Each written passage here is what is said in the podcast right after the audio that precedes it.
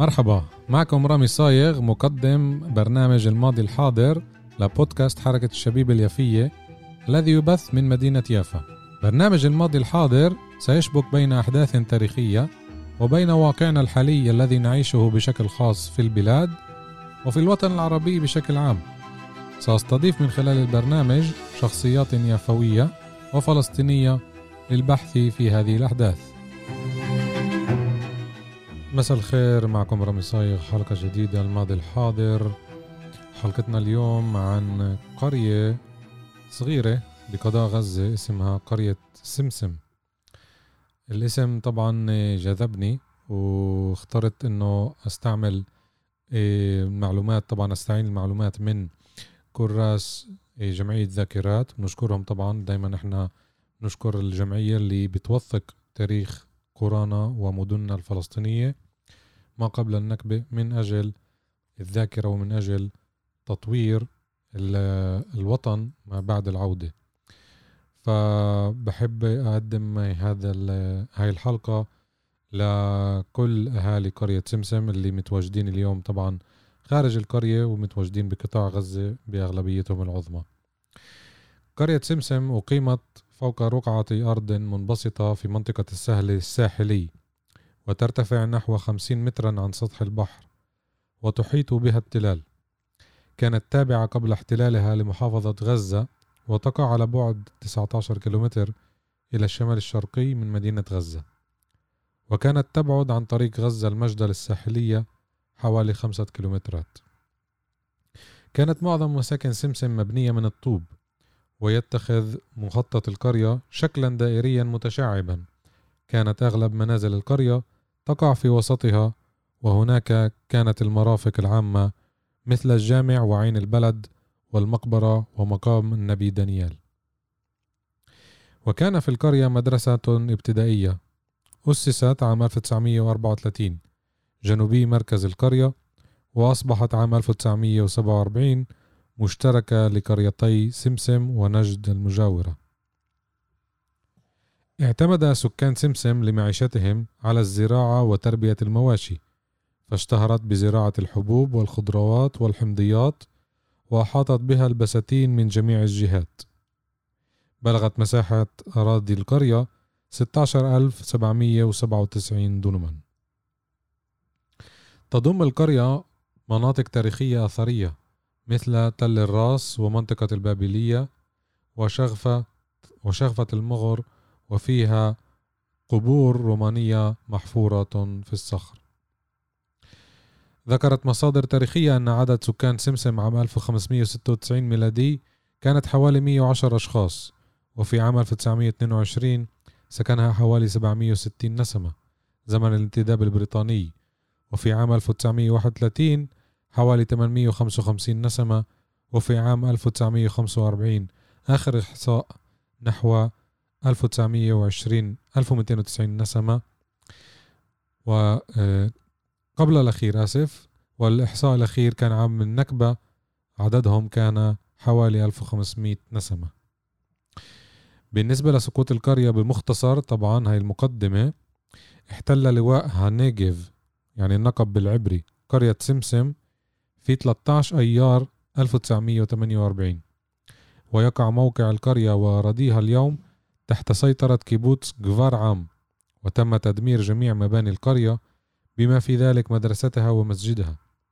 يمكن اليوم رؤية أجزاء من حيطان بعض منازل القرية وأكوام حجارة البيوت التي دمرها الاحتلال.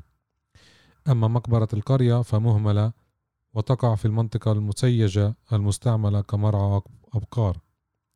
حول الكيبوتس العبري جزءا من أراضي القرية إلى محمية تابعة له ويقوم باستغلال باقي أراضي القرية للزراعة. طبعا هاي المقدمة على قرية سمسم. نعمل فاصل قصير ونرجع لكم. عندك مناسبة وحابب تقدم شي مميز فيها؟ فكر بوطنك فكر بروحك فيها. محلات زعتر منتجاتنا الوطنية فيها روح البلاد. ونسايمها قهوة مكسرات بهارات فواكه مجففة. هدايا متنوعة للمناسبات وكتير أشياء بعد. أكيد رح تلاقي طلبك فيها. محلات زعتر. من الكراس اللي أخذته من جمعية ذاكرات في شهادة طويلة عريضة طبعا رح أخذ المختصر منها لواحد من أبناء القرية اسمه جمال إسماعيل محمد أبو عون ولد في قرية سمسم سنة 1934 حاليا مقيم في مخيم حطين الأردن وقاموا بإجراء المقابلة معه عام 2008 أجرى المقابلة ركان محمود وهي منقولة عن موقع الإلكتروني فلسطين في الذاكرة. ل إيه، اللي بيحب التوسع بتاريخنا موقع فلسطين في الذاكرة من أفضل المواقع من ناحية المعلومات عن قرانا ومدننا المنكوبة. فجمال كان يقول العلاقة مع اليهود كان قرب بلدنا مستعمرة واحدة. نسيت اسمها. كنا نسميها مستعمرة سمسم. كان لها اسم عند اليهود ونسيته. الصراحة إنه العلاقة بيننا كانت مية المية أذكر مرة أنهم طخوا واحد من بلدنا وجرحوه. أجوا طيبوا علينا وجابوا خرفان يعني عملوا صلح وذبحوا وغدوا الناس. تمام التمام. العلاقة معهم كانت جيدة. الدكتور تبعنا منهم. بذكر كمان حادثة صارت معه. أنا صارت معي حادثة شبيهة قصده على الطخ. كنت بأرضي ودخلت بقراتي على أرضهم. طمعت بزرعهم. كان طويل وأخضر. بعد خمس دقايق جاءوا منهم اثنين الخواجة زيف والخواجة داود كانوا فوق راسي على خيل كل واحد معه بارودة. أنا كان معي فرد فلين تقليد يعني. حشروني بين الحصانين لوحت بالشبابة والخيل صارت تجفل صاروا بدهم يمسكوني ويضربوني. كان معي هذا المسدس سحبته وأطلقت النار منه. بس صوت. هربوا ودفعوا البقرة بالخيل وهربوها ووصلوها للمستعمرة. أخذوها يعني. بعتنا أشخاص من البلد للمستعمرة ليسترجعوا البقرة ولكن دون فائدة.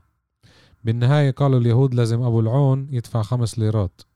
فدفعنا وأخذنا البقرة. قرب بلدنا ما كان مستعمرة أخرى. هذا حدث طبعا صار بعدة قرى لما صار في مستوطنات. يهودية بالقرب من قرانا الفلسطينية وأكيد مش بس بقرية سمسم صار هذا الحدث. إيه، بالنسبة للتواصل مع البلدات الفلسطينية مذكور كنا نروح لغزة أو المجدل مشيا أو على الحيوانات. كان بعض الناس يركبوا من عند دير سنيد بالباص ويروحوا على غزة. كان اسم شركة الباصات دانيا. كمان إضافة على موضوع المواصلات بيقول كان ثلاث أربع بسكليتات ببلدنا. أول واحد جاب بسكليت كان اسمه عبد الهادي. كانت البسكليتات عنا هجنة يعني مش مألوفة عندهم طبعا كرة. كانوا هذول يشتغلوا عند الإنجليز وكانوا يروحوا للشغل على البسكليتات. للنقل أيضا استعملنا الجمال والحمير والبغال. كانت محطة قطار في دير سنيد. القطار كان يوصل لمصر بس إحنا استعملناه لنسافر ليافا أو لغزة أو لرفح. بالنسبة لتركيبة العائلات بما أنها قرية طبعا كانت جزء من القرية آه، مقسم لحمائل آه، فمذكور هون البلد تنقسم إلى أربع أقسام حسب الحمائل حارة دار زين حارة دار زملط حارة دار عابد حارة الشمالة. من دار زين كان عدة عائلات الكثري عزيز زيادة صالح. ومن دار عابد كان عائلات أبو زيدان إبراهيم وبدران. ومن الشمالة فرج الله والمجدلاوي الحو ومنها عائلة جبر وأبو لبن وبلاص. إحنا دار أبو عون نتبع لدار زين وبذكر إنه الأصول مصرية. طبعا بدنا نيجي لهاي النقطة لما بنقول أصول مصرية هذا بقولش إنهم مصريين يعني من زمان إيه إنما من فترة حديثة بفترة الانتداب إيه آسف بفترة آه، حملة إبراهيم باشا على بلاد الشام. فجزء كبير من المصريين اللي رافقوا إبراهيم باشا بحملته ما بعد الانسحاب اللي فرض على محمد علي باشا من قبل الإنجليز مش كلهم انسحبوا لمصر وفي جزء كبير منهم بقي بالمدن والقرى الفلسطينية. بذكر كمان إنه بالبلد كان مختارين. مختار من دار زين اسمه محمد عبد الرازق عبد الحافظ ومختار على الشمالة من دار فرج الله اسمه عثمان عبد القادر عثمان. كان عند كل مختار مضافة وكان عند العائلات الصغيرة كمان مضافات. بالنسبة للتعليم بذكر إنه طبعا كانت في مدرسة للبنين. كان طبعا العدد كتير قليل تقريبا 15 طالب بكل صف. ووصل للمرحلة التعليمية طبعا حسب الفترة اللي عايش فيها. وصل للصف الخامس. وكان التعليم كتير كتير بسيط زي كل القرى. وكانوا يجوهم طبعا من خارج القرية يعلموهم في كانوا يجوا من القرى المحيطة وفي كانوا يجوا كمان من مجدل أو من غزة. كانوا يتعلموا عربي حساب قرآن جغرافيا تاريخ إنجليزي. وبذكر كمان بالصبح ينشدوا نشيد الصباح. مش مذكور إيش هو النشيد. المدرسة كانت تابعة للمعارف وكان المفتش يجي من غزة بسيارته. وذكر طبعا إنه المدرسة مع مقاعد وكتب ولوح يعني مش مدرسة متأخرة يعني مدرسة بكل معنى الكلمة. بالنسبة للمسجد كان بوسط البلد ومبني من الحجر. بذكر إنه موجود عند البير. كانت له قبة ومأذنة قصيرة ومحراب. أرضه من البلاط الكبير وكان مفروش بالحصر كان يتسع لحوالي مئة شخص. وبساحته كان قبر للنبي دانيال بس اليهود إجوا نسفوه وخلوا حجارته تطير. مؤذن الجامع كان عبد الله الشيخ محمد وأخوه عبد السلام وأبوهم كان الإمام الشيخ محمد الكتري كان أزهري. كان عملهم لله دون راتب طبعا. على النسف اللي كان لقبر النبي دانيال هذا طبعا كان مزار مقدس وعليه غطاء لونه أخضر. كان الناس وخاصة نسوان البلد ينذروا عند قبر النبي دانيال ناس كمان من خارج البلد يجوا يزوروه لأنه مزار لكل الناس. كانوا يجوا من المنطقة اللي حوالين القرية لزيارة هذا المزار. بالنسبة للصحة ما كانش بالبلد عيادة ومركز صحي كانت عيادة حكومية في قرية برير وبآخر مدة عند الدكتور اليهودي اللي انذكر بحالة بحادث الطخ اللي كان سنة السبعة وأربعين. بالنسبة للمشفى القريب طبعا كان بغزة غزة شوي بعيدة عنهم. كانوا يروحوا على المستشفى المعمداني. كان هناك ذاكر طبيب مشهور اسمه حيدر عبد الشافي. ببلدنا كان الناس يستخدموا الطب العربي القديم طبعا زي الكي زي الكي التجبير أكياس الهواء غلي الأعشاب زي المرامية والجعيدة والشيح. والمشايخ كانوا يخرجوا بالقرآن ولحالات الولادة كان في بالبلد دايتين تنتين. وطبعا بشكل عام بقول إنه الأمراض كانت قليلة. أما بالنسبة للماء هاي معلومات اللي آه، مفيدة بالنسبة للماء اللي متعلق طبعا بالزراعة.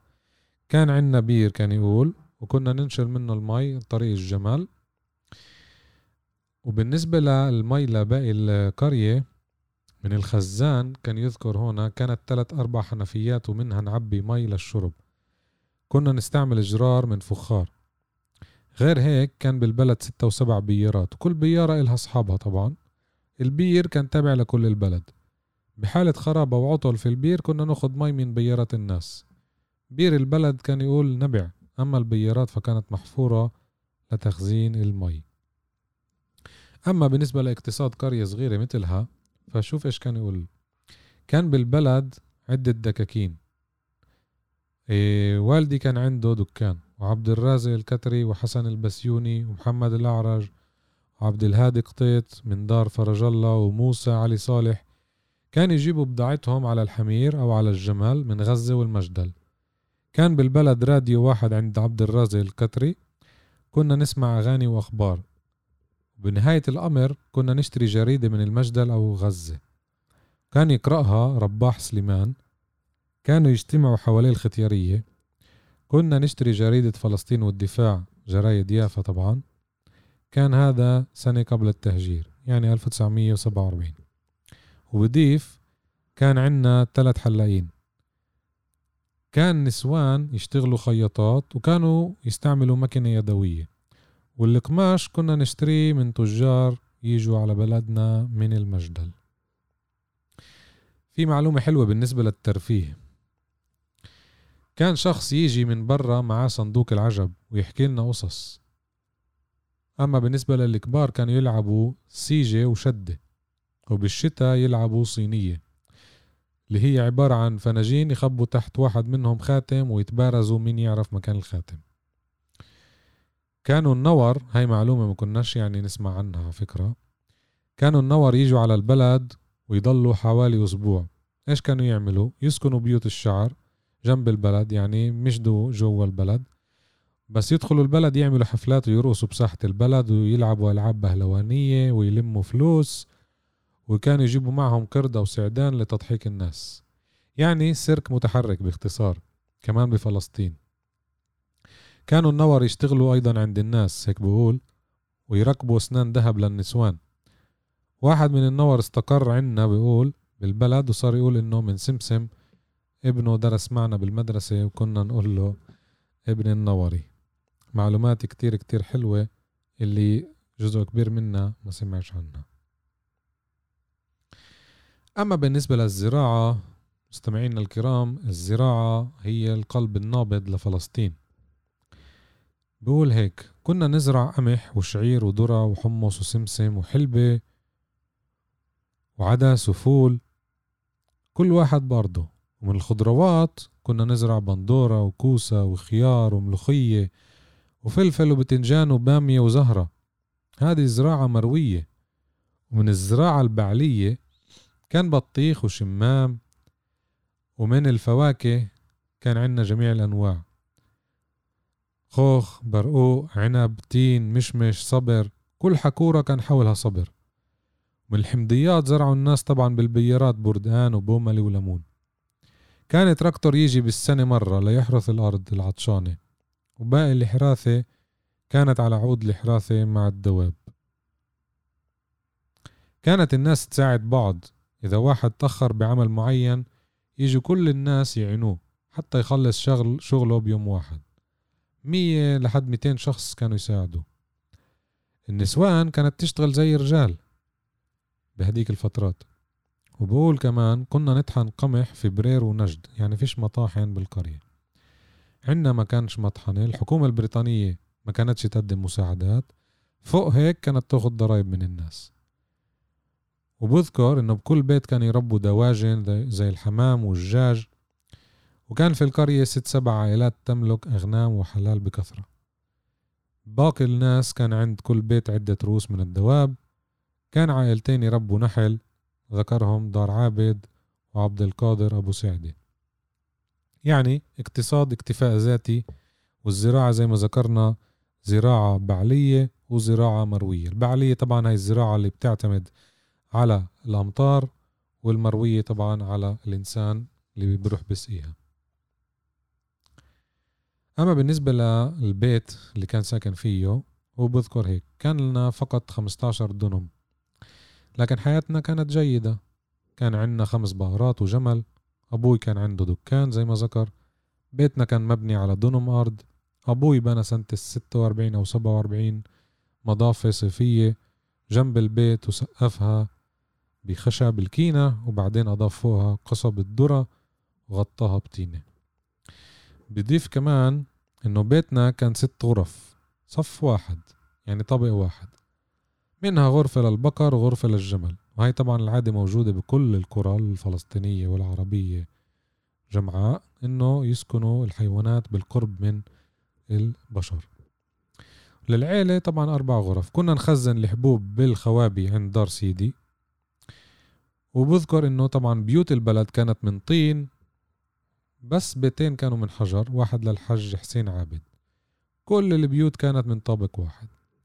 قسم منها مع أقواس كل دار كان فيها حوش أوراق الأرض والطابو مع إخوتي بغزة. بذكر طبعا هذا الموضوع اللي كل الفلسطينيين بحافظوا عليه اللي هي الكواشين وأوراق الطابو. أما بالنسبة للمناسبات الدينية هنا في معلومة ذكرتني بموسم نبي روبين. بقول هيك كان في احتفال اسمه الموسم. كنا نروح على المنطار عند البحر قريب من الخصاص والجورة ونعلية كان الناس من كل البلاد تيجي. قيموا حفلات ورقص ودبكة وغنى وينزلوا للبحر وكان في مراجيح. وأكل ومشتريات منتزه كبير فيما تشتهي عينك. هون هو بذكر هذا الإشي بس كان ذاكر إنه إيه على المنطار عند البحر. مش ذاكر إيه ذاكر المنطقة الجورة ونعلية فعلى الأغلب مش مش إيه النبي روبين. فهنا كمان تشبيه للنبي روبين. وبذكر كمان إنه الحج كان مهم كتير. اللي كان ينوي الحج كان يغنوا له النسوان طبعا تحن له. شهر قبل ما يسافر يسافر وشهر بعد ما يرجع. ويقعد شهر بالحج. يعني ثلاثة أشهر من السنة تمرق بخصوص الحج. كانت الناس تودع الحج عند دير سنيد. اللي قرية جنب قرية سمسم هناك يركب القطار للإسماعيلية بمصر اللي هي طبعا بقناة السويس ومن هناك ياخذوا باخرة بالبحر للحجاز. طبعا في المعلومات عن سقوط القرية وعن المجازر اللي كانت بالمنطقة وبالقرى المحيطة وطبعا بالقرية آه، اللي مرقت زيها زي باقي القرى آه، والأحداث اللي صارت ما بعد التهجير. هنا لفت انتباهي الناس اللي حاولت ترجع على القرية وكان في ألاف منهم بكل قرى فلسطين حاولوا يرجعوا لقراهم لمحاولة العودة رغم التهجير. ففي هنا ذكر لحدث صار بالليل لما ناس رجعت تشوف البلد سمعوها سمعوا مرة بتبكي اللي كانت متخبية بأرض القمح. بس هنا بذكر كمان إنه إيه، بعد ما تهجروا سكنوا بقرية دمرة مدة سبع أشهر وكانوا يدخلوا على بلدهم كل يوم ياخدوا أغراضهم وزرعهم. وذكر طبعا إنه كتير استشهدوا بهاي الأحداث. ذاكر كمان سبعة من عيلة واحدة لأنه اليهود كانوا ملغمين البلد. يعني بعد ما هجروا أهل القرى صاروا يلغموا الأراضي عشان ما يرجعوش. بذكر إنه راح واحد بالبداية صالح محمد صالح وانقتل فراحوا أربعة يجيبوه وانقتلوا كمان هم وبعدهم كمان تنين وغيرهم انقتل كتير ناس بمحاولات دخول البلد. أغلبهم طبعا ما كان حد يدفنهم لأنه الوضع مش طبيعي والحرب كانت لسه بمنتصفها لأنه اليهود كملوا ما بعد ال 48 بتهجير باقي القرى لحد الهدنة تبعت رودوس عام 1949 أما بالنسبة للتهجير والنكبة هو بذكر هيك. هجم اليهود على دمرة قرية يعني لاحتلالها وطردنا. كان معنا الجيش المصري. كانت معركة استمرت سبعة أيام. طبعا هاي المعركة المذكورة منيح وين عراق المنشية وين جات إيه اليوم كريات جات طبعا. وين الفلوجة انقتل من الجيش المصري حوالي خمسين جندي. الناس شردت من دمرة ومن دير سنيد ومن بيت حنون. بعدها صار اتفاق واليهود أخذوا الفلوجة والمصريين أخذوا بيت حنون. إحنا رحنا سكننا في بيت لاهية يعني قطاع غزة. فكرنا إنه أسبوعين ثلاثة ونرجع زيهم زي كل الفلسطينية. إن كان بالقرى إن كان بالمدن. لليوم هو بقول أذكر بلدنا بيت بيت. كان أهل البلد اللي كنا نلجأ إلها يعني اللي يستضيفوهم كانوا يساعدوهم بالأكل ويستضيفوهم طبعا. سكننا بمخيم جباليا بقول لحد سنة 1952 قدمت وكالة الغوث مساعدات مثل الخيم والأكل. بعد هيك بنوا للاجئين غرف مثل كشاك حيطان من طوب وسقف من كرميد. لكل أربعة وست أشخاص غرفة ولا زلنا لاجئين. طبعا هاي شهادة لاجئ اللي عاش النكبة وكان عمره 14 سنة يعني واعي على كل هاي الأحداث الأليمة. فمن هون بنوجه التحية لكل أهالي آسف لكل أهالي قرية سمسم طبعا لكل المستمعين اللي بيسمعونا. حلقتنا اليوم كانت عن قرية سمسم قضاء غزة. شكرا لاستماعكم. نأمل إنه كانت حلقة مفيدة واستمتعتوا رغم النكبة إحنا بنعيد الذاكرة لنبني الأمل. تقدروا تسمعونا بالتطبيقات المختلفة سبوتيفاي Apple Podbean والجوجل كمان. إحنا حركة شبيب اليافية. عندنا صفحة بنحب إنه تكونوا بتواصل معنا. إيه وطبعا في كمان صفحة لبودكاست حركة شبيب اليافية كله طريق الفيسبوك. حلقتي اليوم انتهت. كان معكم رامي صايغ. نلتقي بالحلقة الجاي. الله معكم.